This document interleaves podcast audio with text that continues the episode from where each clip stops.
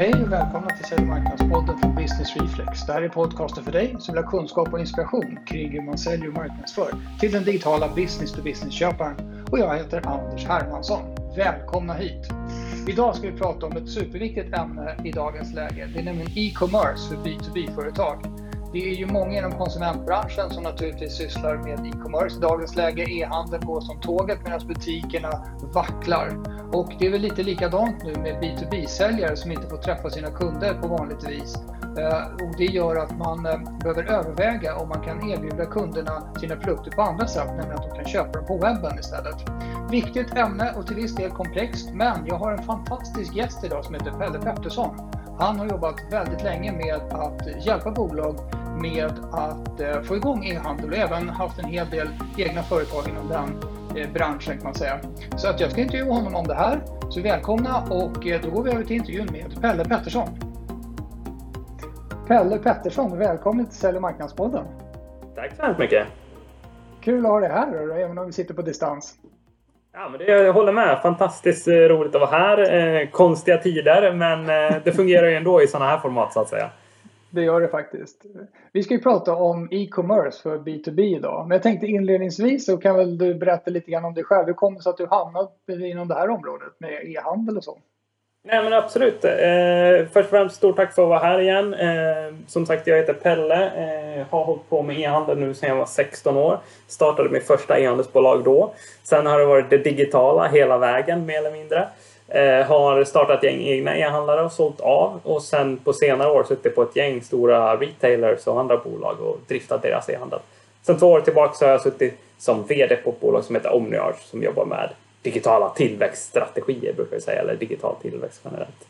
Så digitala spår har det varit mer eller mindre hela, hela livet och senare tid har jag också tyckt om att vara med och, och prata i olika typer av podcast och föreläst så det är fantastiskt roligt att få vara här.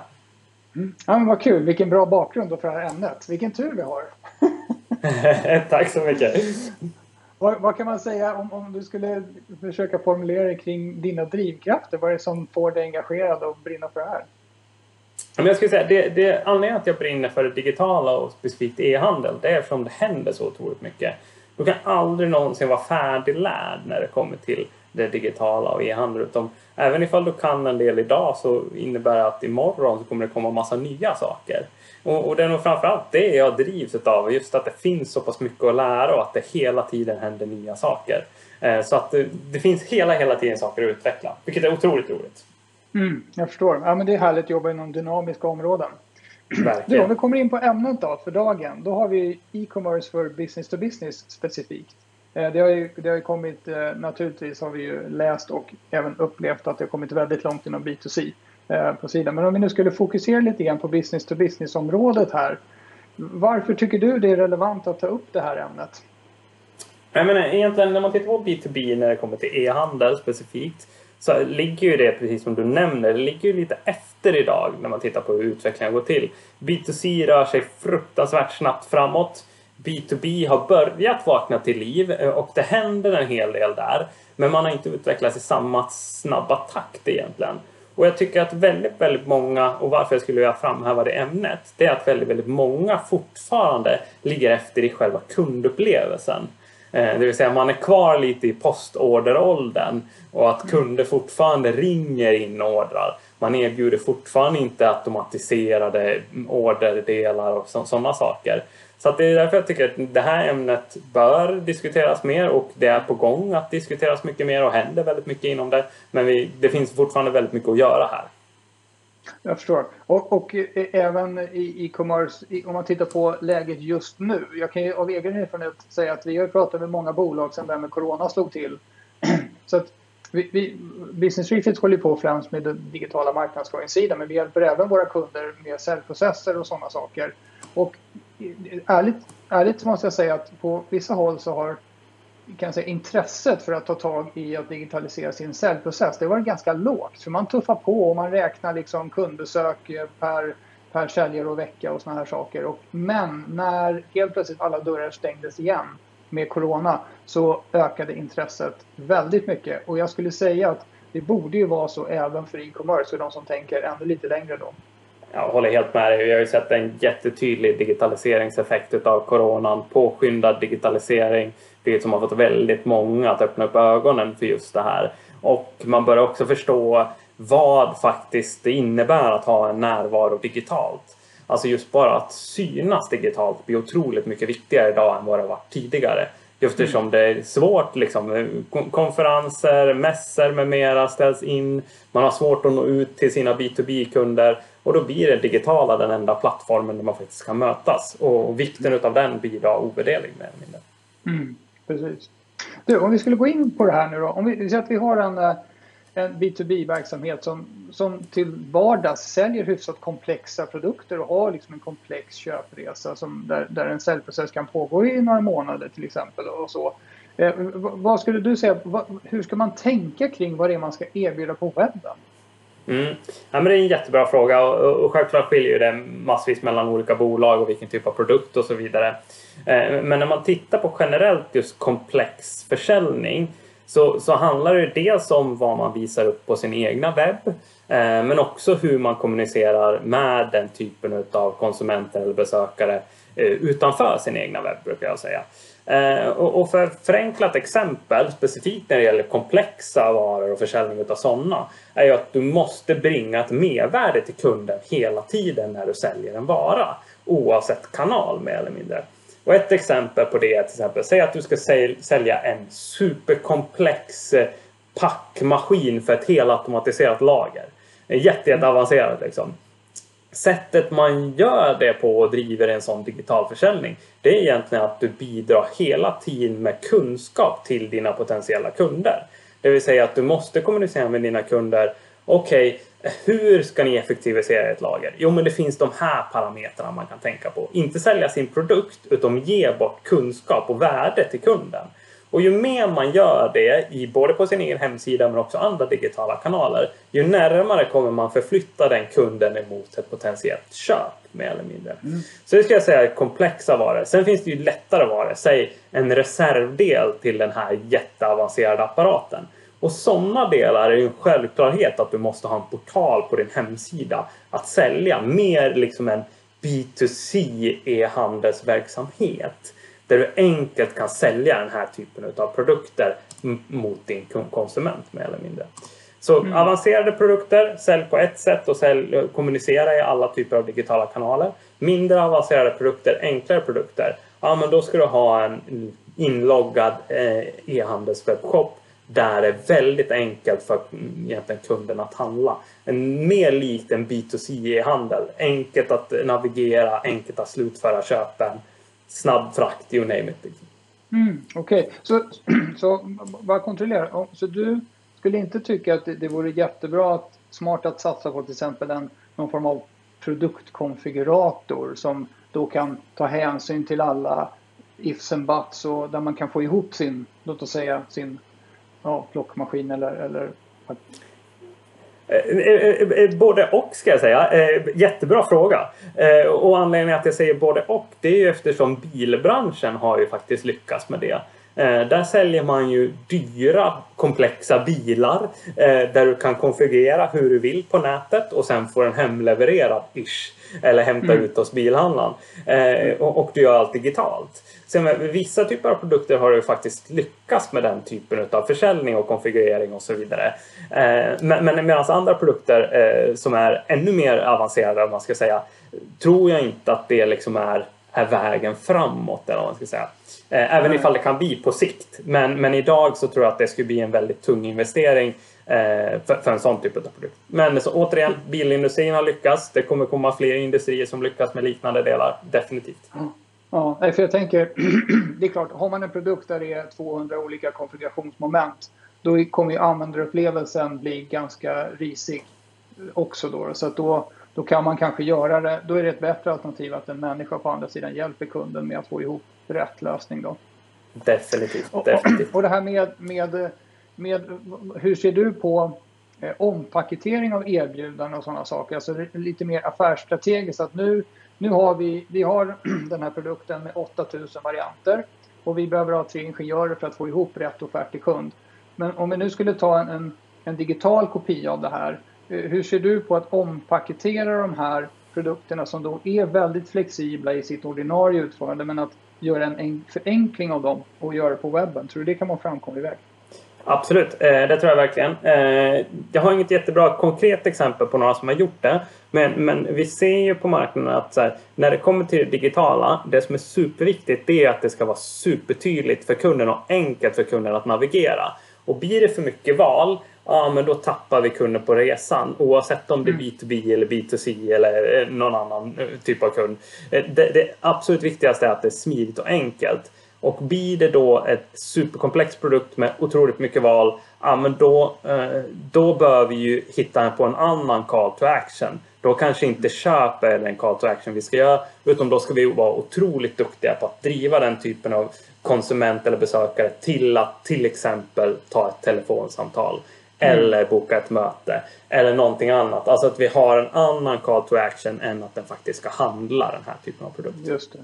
Det, det låter bra. Du, om man skulle gå in på själva webbsajten. Alla bolag kan vi ju säga faktiskt har ju en webbsajt idag där det står så här, om oss och så har man ett fint kort på sin styrelse i slips och sådär. B2B-sajt nummer eh, standard då.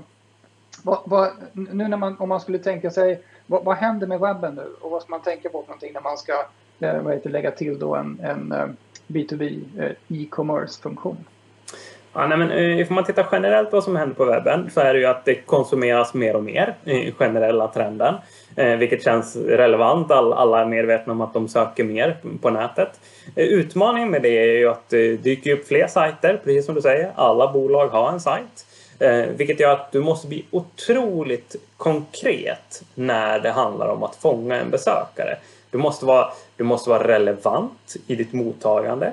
Du måste vara, veta vad de letar efter och kommunicera på det sättet emot dina besökare. Så här handlar det mer om, och där tror jag att vi är jättelång väg att gå. Eh, generellt ska jag säga, inte bara B2C eller B2B utan generellt när det kommer till våra hemsidor som finns specifikt i Sverige eller Norden så handlar det om att vi måste bli ännu mer relevanta emot den besökare vi driver. Så här, här handlar det om att shapea upp i relevans och, och säkerställa att ja, men, den här besökande måste mötas av ett relevant budskap det första vi gör. Och det finns ju både personifieringsmotorer som kan göra det men det kan ju också vara hur vi driver trafiken. Var kommer besökarna ifrån? Vilket budskap har de fått när vi faktiskt driver in dem till hemsidan och så vidare och så vidare. Mm. Och, och, eh, jag tänker så här, när man kommer till, eh, ja, nu har jag inte varit på Zalandos första sida på ett tag, men jag tänker mig när man kommer på den så kan man ju typ säkerligen köpa någonting där. Många B2B-sajter, det är så här, åh vi förbättrar världen och så är det en horisont, en bild på någon som går upp för ett berg. Och, och man bara, jaha, vad, men, vad säljer du? Säljer, är ni konsulter? Har ni produkter? Vad är det ni har? Hur ser du på det där med hur, hur pang på rödbetan ska man vara med vad, vad man faktiskt säljer när man nu kommer in på en sån här e-commerce webb? Ja, men, eh, jättebra fråga igen. Eh, och, och det första jag fick lära mig när eh, jag började titta på hur man kan bli bättre på konvertering och läste massa böcker om det och psykologi kring hjärnan och allt sånt där. Så handlar det om att så här, det första budskapet besökaren ska mötas av, specifikt ifall du inte har jätte-jättekänt varumärke, Zalando kanske klarar sig då. Men, men ifall du inte har jättekänt varumärke och man inte stött på det förut så är det första man ska mötas av besökare ett tydligt budskap med vad du gör. Så det är det mm. första man ska mötas utav eh, för att öka konverteringschansen på sajten. Eh, men det är precis som du säger att det, det är svårt för Eh, även jag själv som har en konsultverksamhet, men vi säger ju inte på vår första sida direkt när man möts, eh, möter en besökare vad exakt vad vi gör.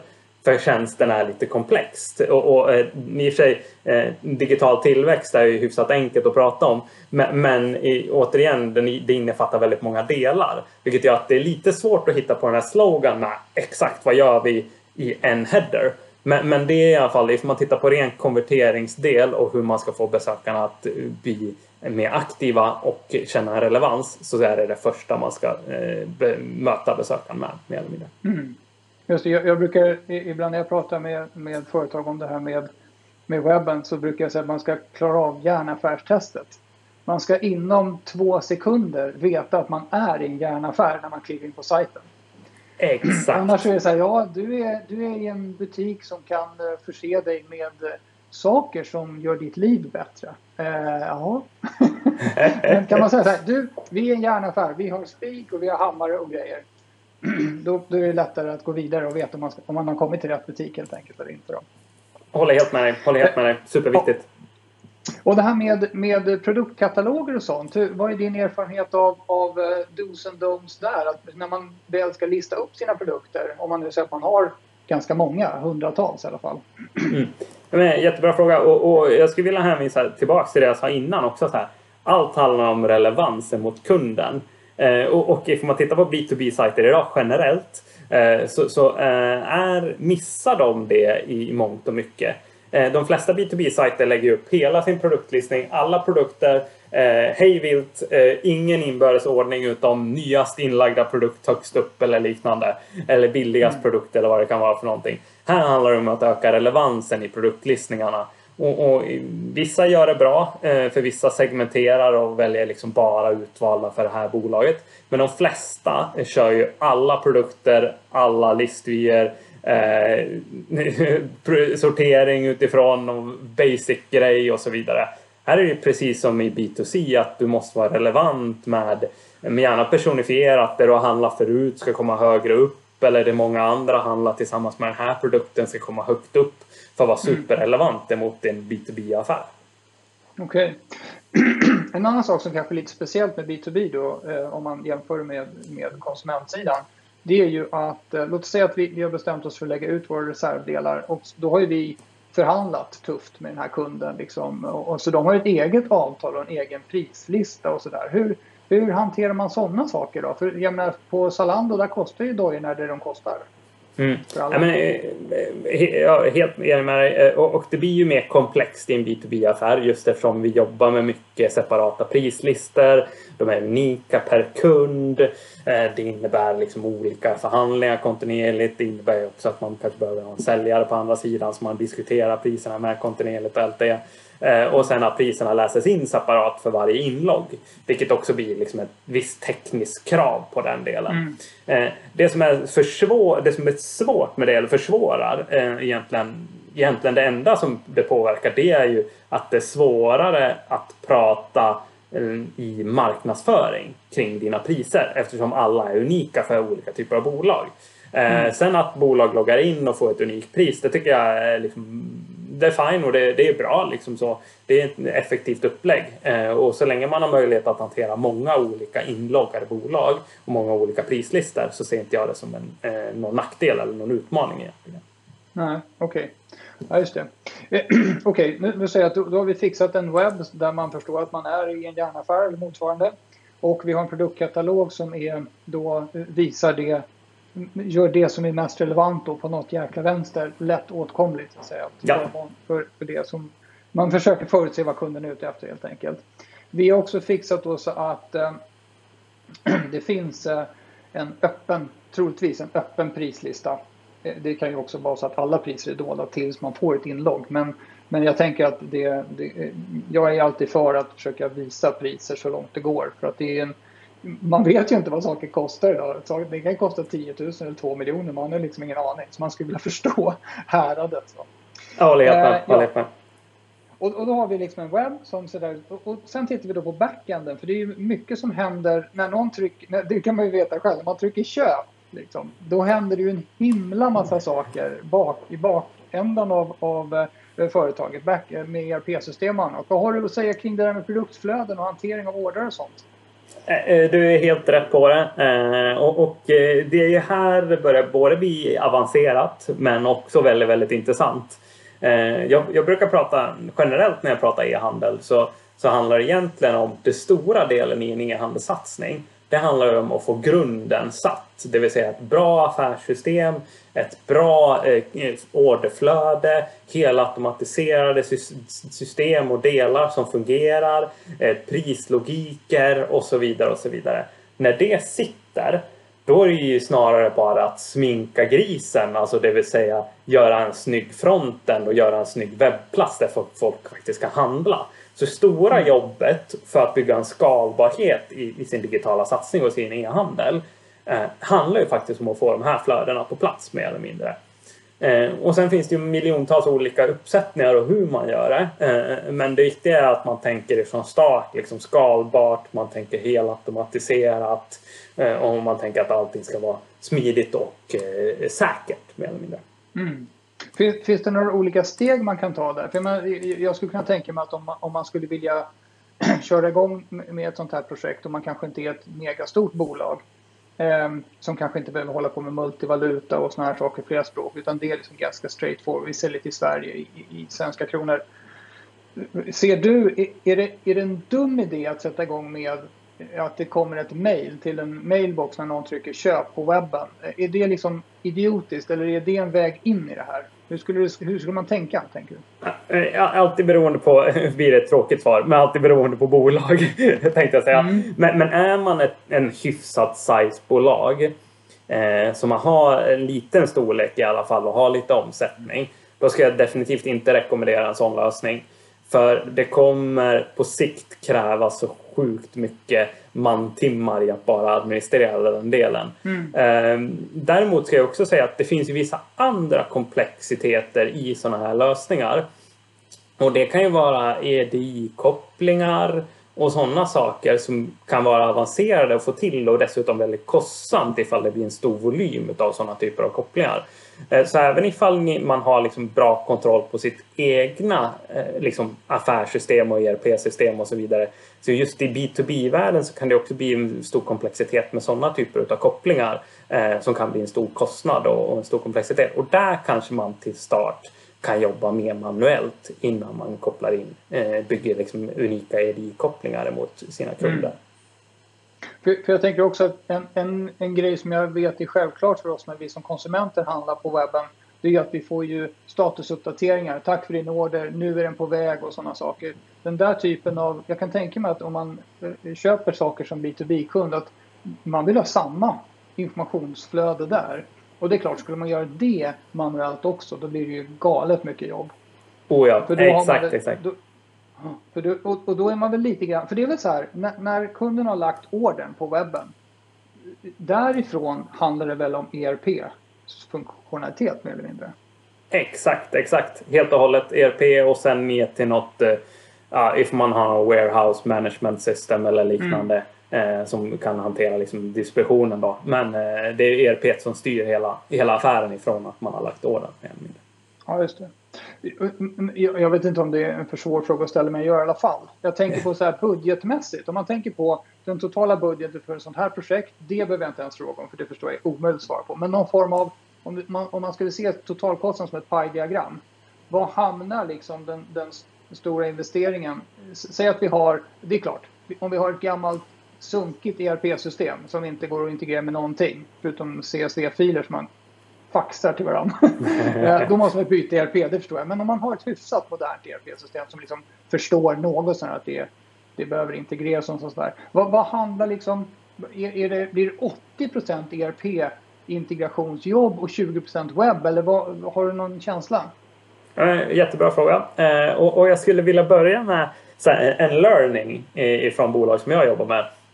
Och det är att man, man tar alldeles för stor del av kakan av sin budget och, och lägger på till exempel ERP-utveckling kontra att faktiskt driva kunder mer eller mindre. Ah. Så väldigt, många kund, väldigt många kunder som jag jobbar med eh, lägger egentligen nästan hela sin budget på att bygga ett, ett väldigt bra system. Sen har man ingen peng kvar till att faktiskt driva det. och faktiskt administrera, faktiskt driva nya kunder och så vidare. Och så vidare. Så det är den första learningen. Så här, när man tittar på ett nytt sånt här typ av projekt säkerställa att det finns pengar kvar efter man har gjort projektet. Så att man tar hänsyn till liksom komplexitet och storlek av projektet redan innan. Så mm. det måste finnas en peng både för efterhantering, för även när man har byggt klart ett nytt e-handelsprojekt så kommer det kosta pengar eh, i utveckling och så vidare. Men också att faktiskt driva ny typ av kund. Eh, och det kan ju vara på massa olika sätt man gör det. Eh, men ifall man tittar på liksom fördelning ERP kontra e-handel det är lite annorlunda än B2C. För B2C är det ju hyfsat fronten tungt, det vill säga liksom e-handeln ligger en stor del av budgeten. När man tittar på B2B så blir ju ERP mycket mer centralt och mycket eh, viktigare, eller man ska säga. Eh, och, och eh, återigen, det beror lite på så här vilka ytterligare system man har. För har man till exempel ett PIM-system inbyggt i ERP då lägger man ju den powern där. Ibland kan man ha ett externt PIM-system och då måste det kopplingar till det och sådana saker. Men jag skulle säga någonstans kanske så här 60% ERP, 60-70% ERP och, och 30-40 någonstans på liksom fronten, själva e-handelsapplikationen. Något mm. sånt ska jag säga med lite API och lite EDI och sådana saker mot kunder och sånt. Ja men grymt, det är jättebra information. Och, och PIM bara för våra lyssnare skull, vad, vad står det för? Nej, men egentligen PIMmet handlar om att eh, det är där man lägger in produkter och produktinformation och sådana saker. Så har man mycket produkter eh, och vill eh, berika dem som det kallas, det vill säga lägga till bilder, säljande texter och så vidare och så vidare. Så finns det tredjepartssystem som man kan använda för det. Mm. Och de här tredjepartssystemen är lite enklare att jobba i. De är snabbare, de är, har mer säkerhet i sig som gör att produkter inte visas ifall det saknas data och sådana saker. Och det kanske rent av är så att man kan eh, skära ner på budgeten för, för den där årliga reservdelskatalogen som man i alla fall trycker och eh, som folk kastar när de får den. det, det sa du, det sa inte jag. uh, Okej, okay, men bra. Eh, och eh, det, här med, eh, om vi nu säger att vi, vi satsar, vi, vi tar vår budget ungefär 50-60% kanske på det som är bakom butiken. Och sen så har vi lagt 40% så att vi har en snygg butik. Fast det är inga kunder där, för vi har inte talat om att vi har någon butik. Vad, vad är dina, dina tips kring hur man får kunder till sin B2B e-commerce-sida? Ja, det är jätte, jättebra fråga och, och, det här blir ju superrelevant precis som jag nämnde innan. Man måste ha en liten peng kvar till det här. Och, och, lite som vi pratade om innan vi började spela in att så här, fan, här kan man ju spela in ytterligare ett avsnitt kring. Det finns ju otroligt mycket skoj att prata om. Eh, men när det kommer till B2B så finns det ju viss begränsning i det, i hur man driver trafik. När det varit en mer B2C e-handel då handlar det väldigt mycket om att synas på på liksom så här, ja, shopping-sajter. Den här produkten kostar si många kronor, där måste vi synas och söker man efter den produkten ska vi hamna högst upp och så vidare. Eh, för B2B så är det ju som vi nämnde tidigare att man har ju oftast unika prislistor vilket gör att det, inte, det har inte så stor relevans i att ligga på en prisjämförelsesida direkt. Utan du, du ska ligga på andra typer av sajter. Eh, och det är också att marknadsföringsmixarna ser lite annorlunda ut på B2B kontra B2C. Så här handlar det om att återigen liksom hitta relevans i dina budskap. Självklart bör man satsa på att liksom ha en jättebra och långsiktig SEO-närvaro där man hamnar högt upp på Google sökresultat och de delarna. Men det handlar ju också om att hitta relevans i andra kanaler och här kanske man ska prata om ja, men LinkedIn tycker jag är ett fantastiskt bra verktyg för att driva relevant trafik. Eh, men det kan också handla om att hitta dina beslutsfattare på annat sätt. Kanske segmenterat på Facebook eller segmentera på Google eller liknande. Det finns ju en jättespännande tjänst på Google som styrs utifrån IP. Vilket gör att du kan mer eller mindre annonsera emot till exempel alla som jobbar på Telia. Mm. så att, och, och, dessutom, och det viktiga är att här, inte bara att man ska annonsera mot dem, eh, ett specifikt eh, företag eller liknande, utan det viktiga är att vara superrelevant i den annonsen. Så att du kan anpassa annonsen just emot det budskapet som du ska lägga emot det företaget. Så beroende på produkt och så vidare så kan man jobba på lite olika sätt. Och det, och det är klart, jag, jag, tänker också på det här med marketing automation och, och kors och uppförsäljning och sådana saker. För att om vi pratar om reservdelssajter, det är klart att man kan ju vara specialiserad på att bara sälja reservdelar. Alltså sån här, vad heter det, olabelad eller vad det nu heter för någonting, icke originaldelar till exempel. Det, det, det är klart man kan ha en sån affärsidé. Och då är väl det här superrelevant. Men, men jag tänker också om det är om det är någon form av long tail som man ska använda sajten till. Då är det klart att då ska man ju försöka rikta sina budskap till sin egen kundbas. Eh, och påminna dem om att man har naturligtvis numera finns, går det jättelätt att köpa reservdelar av oss och så vidare. Jag håller helt med och där ytterligare ett jätteintressant spår där är ju precis som du är inne på med marketing automation. Säg att du mejlar ut till alla som har handlat ifrån dig och säger typ ja men nu har vi adderat det här eller det här sortimentet borde vara relevant mot dig också. Så är det ju oftast kanske 70% av dem du mejlar till som inte ens öppnar mejlet. Där har du ju faktiskt 70% potentiella kunder som du inte lyckas kommunicera med. Det blir superviktigt att du då tar de 70 procenten och kommunicerar på något annat sätt med dem. Och det kan vara att du bygger en, en segmenterad mail eh, eller segmenterad lista där du kanske kan prata med dem på LinkedIn eller på Facebook eller på någon annan media. Det spelar ingen roll vart någonstans, men bara du får kontakt med dem så att säga. Just det. Ja, det, det, som sagt, det finns mycket att prata om där och det här är ju eh, det är ett område som eh, där man behöver testa många olika saker naturligtvis för att se vad som fäster. Och fortsätta med det som funkar och sen hela tiden lägga till någon ny krydda till, till mixen för att se om det är något annat som också funkar. Exakt, och där kan ju min rekommendation vara att skicka med att här, testa många olika saker. Lägg mindre budgetar för att testa saker och ting. Och sen fungerar det så fortsätt skala på den mer eller mindre. Mm. Eh, och även liksom så här, lägg mycket tid på huvudkanalerna för det är de som kommer bidra till mycket effekt också på sikt. Ja. Du, en, en, fråga som poppade upp nu. Det var ju så här att man mäter ju sina säljare, sina B2B-säljare eh, på olika sätt. Eh, det kanske är många som är, är kvar i att mäta aktivitetsnivå, till exempel kundbesök i, i veckan och sådana här grejer. Eh, skickade offerter och andra konstiga saker. eh, men, men hur skulle du se, vad skulle du säga att man bör ha för, för KPI för att veta om den här e-commerce-affären funkar bra eller inte? En jättebra fråga. Eh, och faktiskt, jag, eh, jag har byggt ett KPI-dashboard eh, som jag brukar använda till sådana här typer av sajter. Så jag kan skicka det till dig efter, kanske vi kan dela det till alla som lyssnar Absolut. på det. Så, så kan alla få det. Och, och egentligen, det, huvudkopiorna är alltid så här vart, så här, hur många besökare har vi? Superrelevant, vill vi alltid se. Sen vart tappar vi besökarna? Det vill vi alltid veta. Så här, var, var, var, tappar vi de här i den här delen? Många går in och läser om oss, sen vill de inte prata med oss. Äh, men då kanske det är något fel på den sajten. Eller många går in här och sen vill de inte prata vidare, men då kanske det är något fel på någon annan landningssida och så vidare. Mm.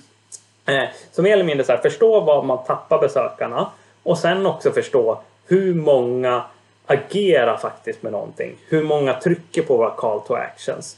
Och det behöver ju inte vara att man liksom handlar en reservdel, faktiskt går in och e-handlar. Utan det kan också vara eh, att man registrerar sig i sin e-mailadress för att vara med i maillista eller man bokar ett möte eller liknande. Så få kontroll på det här och förstå vad är det som har bidragit till att det har hänt. Är det att vi har köpt en besökare från Google? Är det det som har gjort att vi har fått en e-mailadress eller ett bokat möte här? Eller är det att vi har kommunicerat med någon på LinkedIn eller någon annan kanal eller native annonsering eller liknande? Så, så här, mer eller mindre så här, förstå vilken kanal är det som bidrar till vad.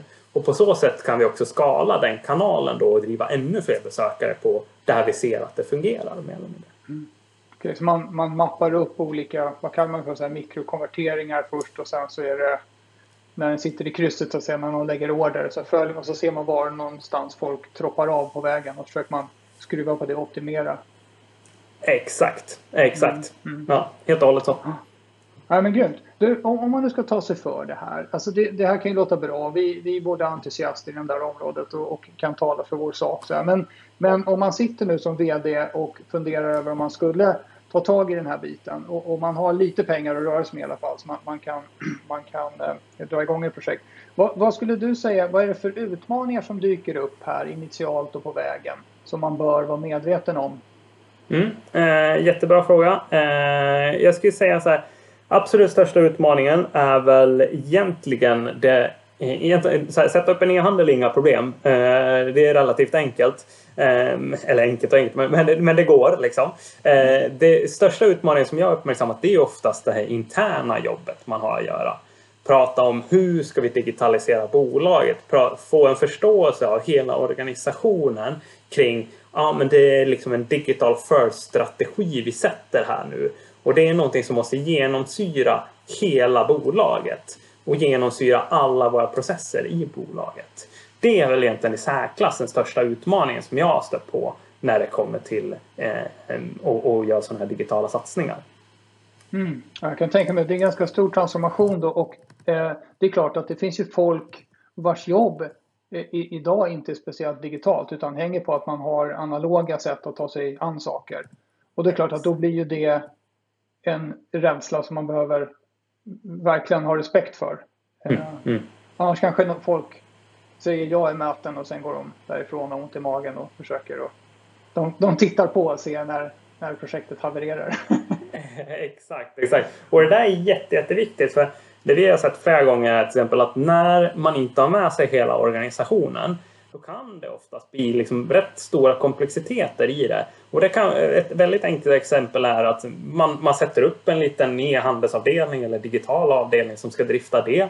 Och så börjar de bygga en hemsida, de får det att fungera bra. Men man kommunicerar inte med resten av organisationen. Och det, en av komplexiteterna kan bli till exempel att ja, men inköp och det digitala pratar inte med varandra.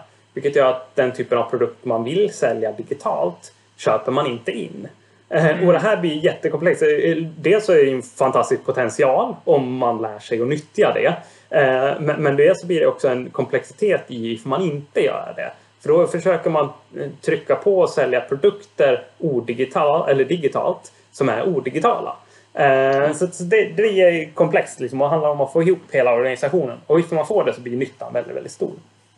Jag tycker det är jätteintressant att du tar upp det. För att en idé som man skulle kunna ha för att försöka runda hela den här krångliga förändringsprocessen det är just att man sätter upp ett separat team. Men det är ingenting du rekommenderar för det kommer att liksom bli friktion förr eller senare. Eh, eh, både och eh, ska jag säga. Jag skulle säga så här. För att göra en optimal uppstart av en e-handel i ett B2B-företag. Jag säger inte att det är för alla, men jag säger att i, i många fall så är att sätta upp, sätta upp ett separat team en mer effektiv väg att gå. För det går snabbare, man blir mycket agilare, man kommer få upp en uppsättning mycket, mycket snabbare. Nackdelen är att man inte får alla synergier från bolaget och man får inte ett digital first mindset i hela bolaget. Men för att få det här digital first mindsetet, det är ju en lång omställningsresa i en organisation. Och den här omställningsresan kan ju ta flera år.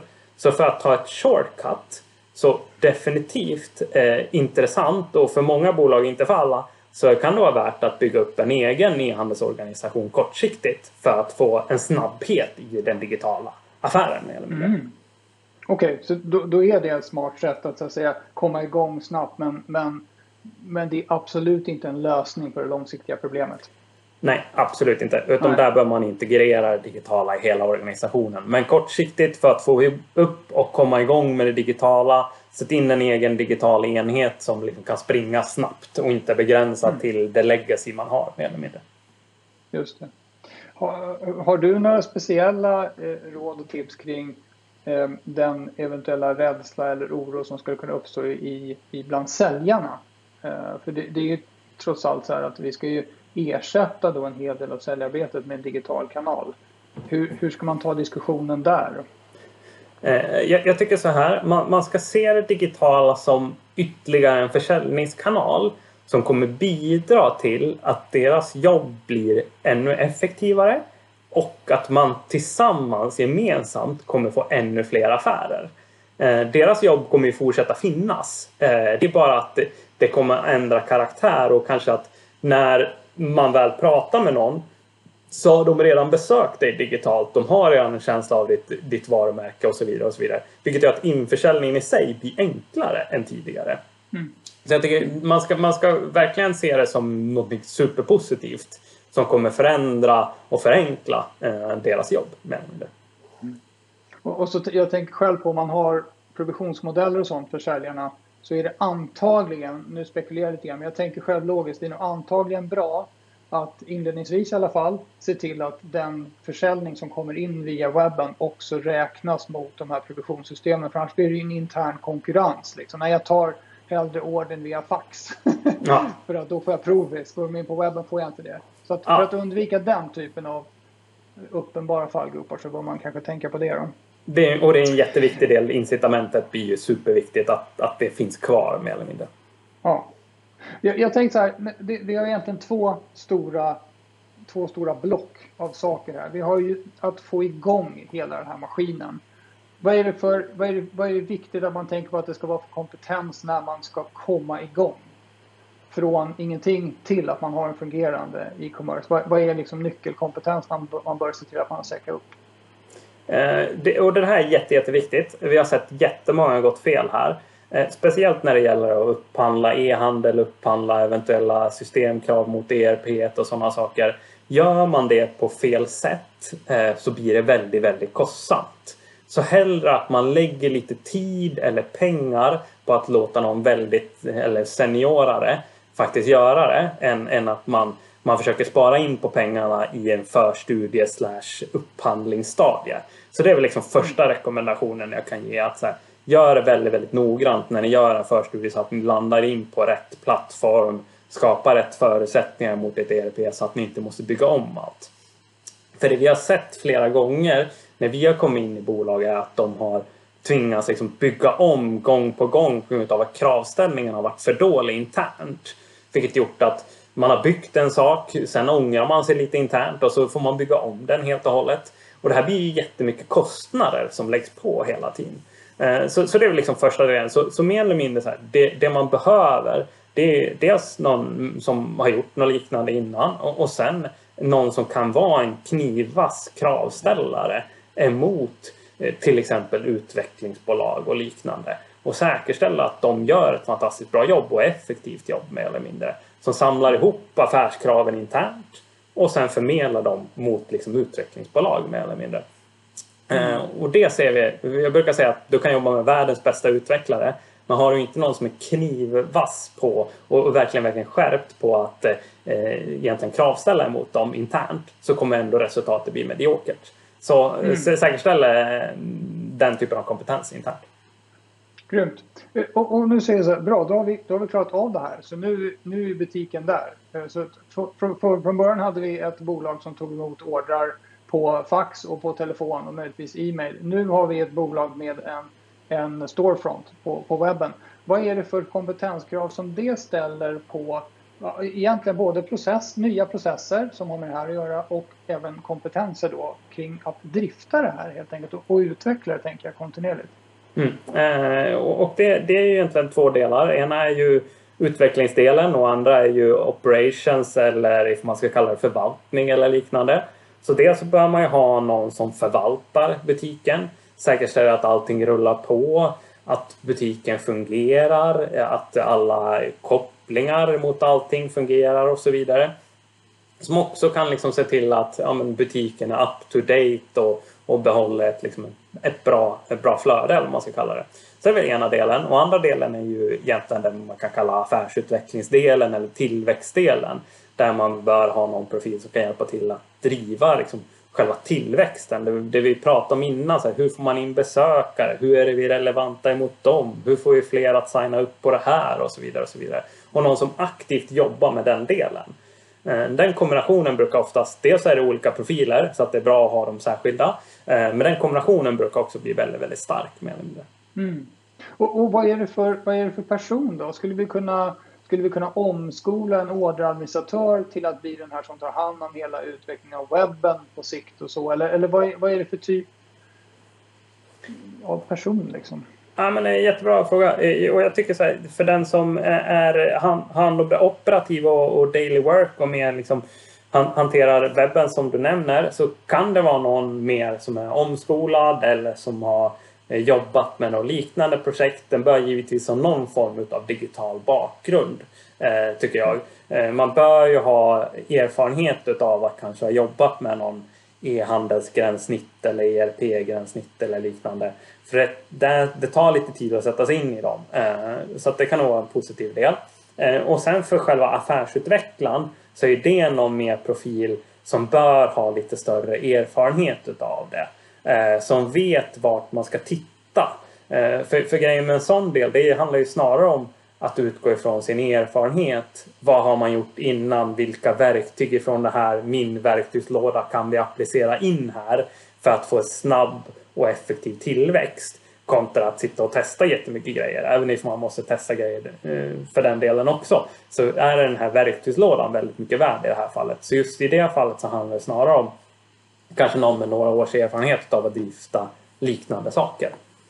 Mm. Och jag tänker så här att vi, vi, jag har i alla fall tänkt en hel del på hur, eh, hur verkligheten förändras för säljarna när de mm. får en till kanal som, som de kan använda och som kunderna kan använda. Men, men sen har vi också, om man tittar på den traditionella business to business marknadsföringsavdelningen. Nidbilden av den som jag brukar lyfta fram ibland för att göra saker tydligt. Det är, då, det, det är de som fixar golfkittet. Liksom mm. till den årliga golftävlingen eh, och eh, se till att det finns t-shirtar med loggor på och att, att vi får en ny roll-up till mässan. Eh, sådär, Det är nidbilden verkligen av B2B-marknadsförare. Eh, men om jag tänker det som du sa med att driva trafik till webben och få faktiskt optimera den på konverteringssidan och få på eh, ja, produkterna som är mest relevanta och kanske med högst marginal att sälja bäst och så vidare. Eh, och hamnar det ofta på marknadsavdelningen som då kan jag tänka mig behöver en massa ny kompetens eller hamnar det liksom på någon ny sorts avdelning? Det, det kan ligga både och ska jag säga. Men optimalast är ju ifall den hamnar in under e-handels eller den digitala avdelningen som man skapar i och med en sån här satsning. Och, och där tycker jag så här, för, och anledningen att jag skulle oftast vill separera dem det är för att de här traditionella marknadsavdelningarna de är jätteduktiga på att jobba med traditionell media. Eh, de gör skitsnygga t-shirtar, golfbags och så vidare. You name it. Eh, men det de inte har samma erfarenhet av som kanske den digitala marknadsavdelningen har är att den digitala marknadsavdelningen är van att optimera utifrån varenda krona som man lägger ska man få tillbaks någonting. Mm. Så att man är otroligt hårt performance-styrd mer eller mindre. Och det, därför skulle jag vilja att man har liksom en egen kompetens för det som bara kan jobba performancemässigt. Oavsett om det handlar om att eh, vi för X kronor ska driva eh, ett säljmöte eller kan lägga 50 spänn för att få in en e-mail eller kan lägga 100 kronor för att få in ett köp eller vad det nu är. Men att den, mm. den profilen är separerad. Och lite som jag var inne på innan också att det här går ju väldigt hårt tillsammans med marketing automation spåret som också är datadrivet. Så jag tänker att den, den lilla hubben med det digitala handlar mer om att här, förstå kunden, optimera mot kunden och utgå från data kontinuerligt för att förstå vad vi kan göra ännu bättre och aktivera kunden igen. Mm.